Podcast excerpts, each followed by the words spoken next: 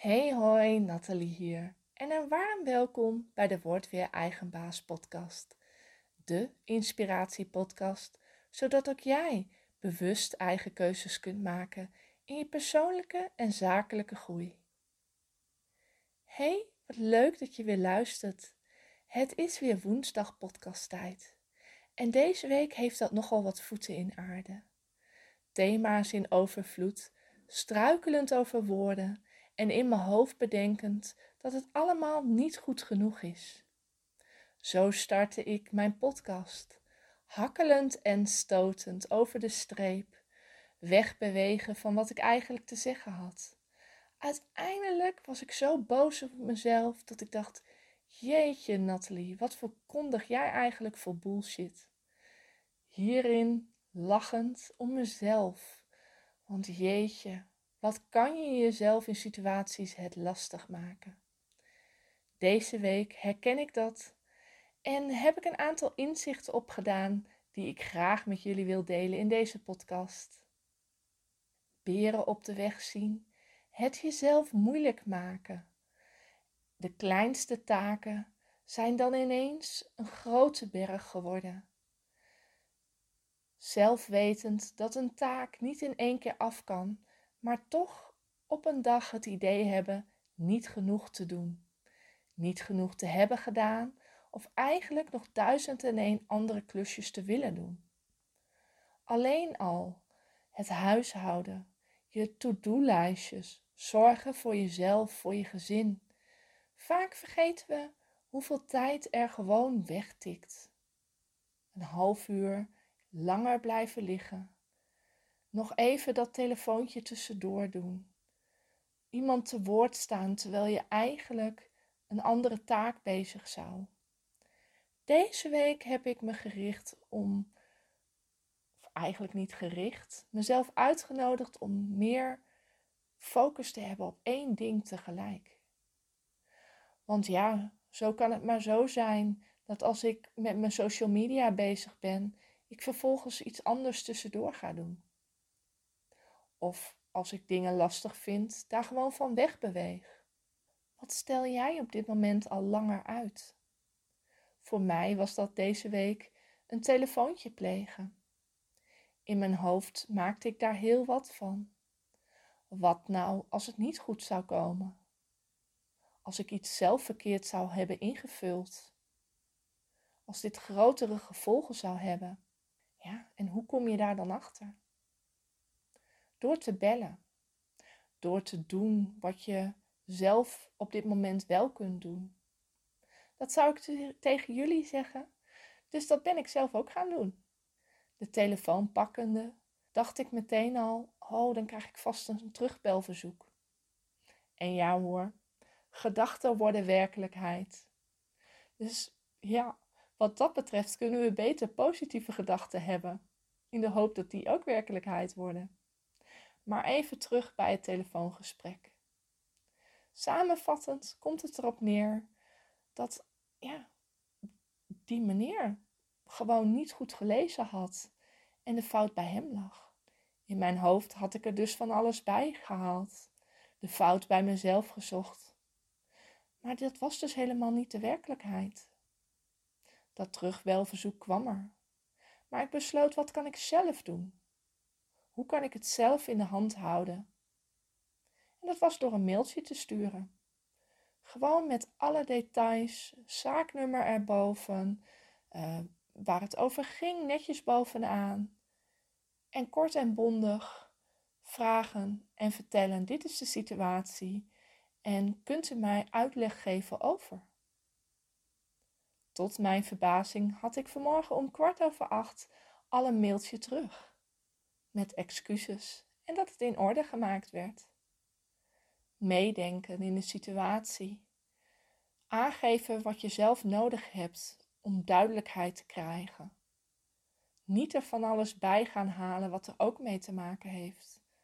Voor mij is het lange tijd een uitdaging. Om niet verder te denken of voor iemand anders te denken, maar gewoon te vragen of te delen wat er in me omgaat.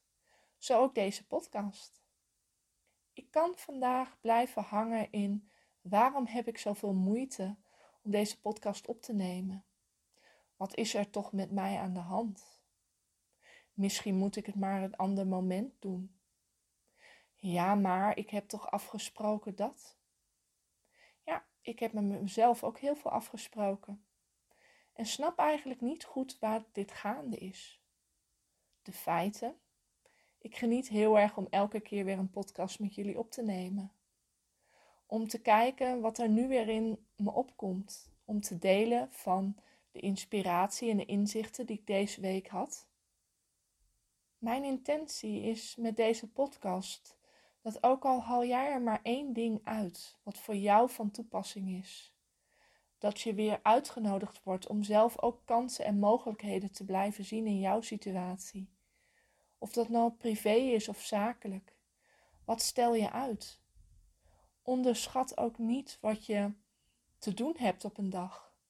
En dat het leven zich gewoon soms anders voordoet.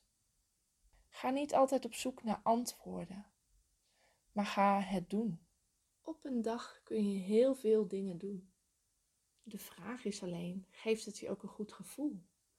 Kijk je aan het einde van de dag terug op de dingen die je gedaan hebt en ben je blij en tevreden? Of kijk je naar de dingen die er nog moeten en van wie moeten ze? Deze week ontdekte ik dat je in korte tijd eigenlijk best veel kan doen. Focus op één ding, zorg dat je hoofd niet alle kanten opgaat. Dat je je gewoon even kunt concentreren op één dingetje. En dat vergt soms wat oefening.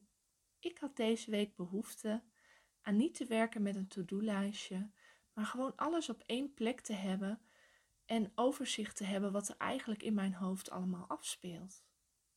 Vaak denken we aan taken, maar taken kan soms ook zijn dat het een project is.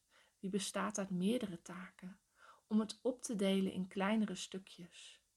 En met de Focus To Do app kan je dat heel eenvoudig in makkelijkere stukjes van 25 minuten delen.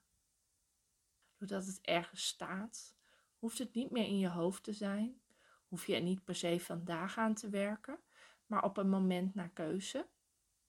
Zo ontdekte ik dat ik eigenlijk in één dag gewoon veel te veel taken prop. Niet alleen voor mijn werk, maar ook gewoon het huishouden, het leven, fysiotherapie, tijd met mijn gezin. Alles komt er tussendoor. En dat wil ik heus niet allemaal in een app proppen of een to-do-lijstje van maken. Genieten van het leven, blij zijn met de dingen die ik doe. Kunnen meebewegen als dingen zich voordoen. En toch aan het einde van de dag een goed gevoel hebben over alles wat ik heb gedaan.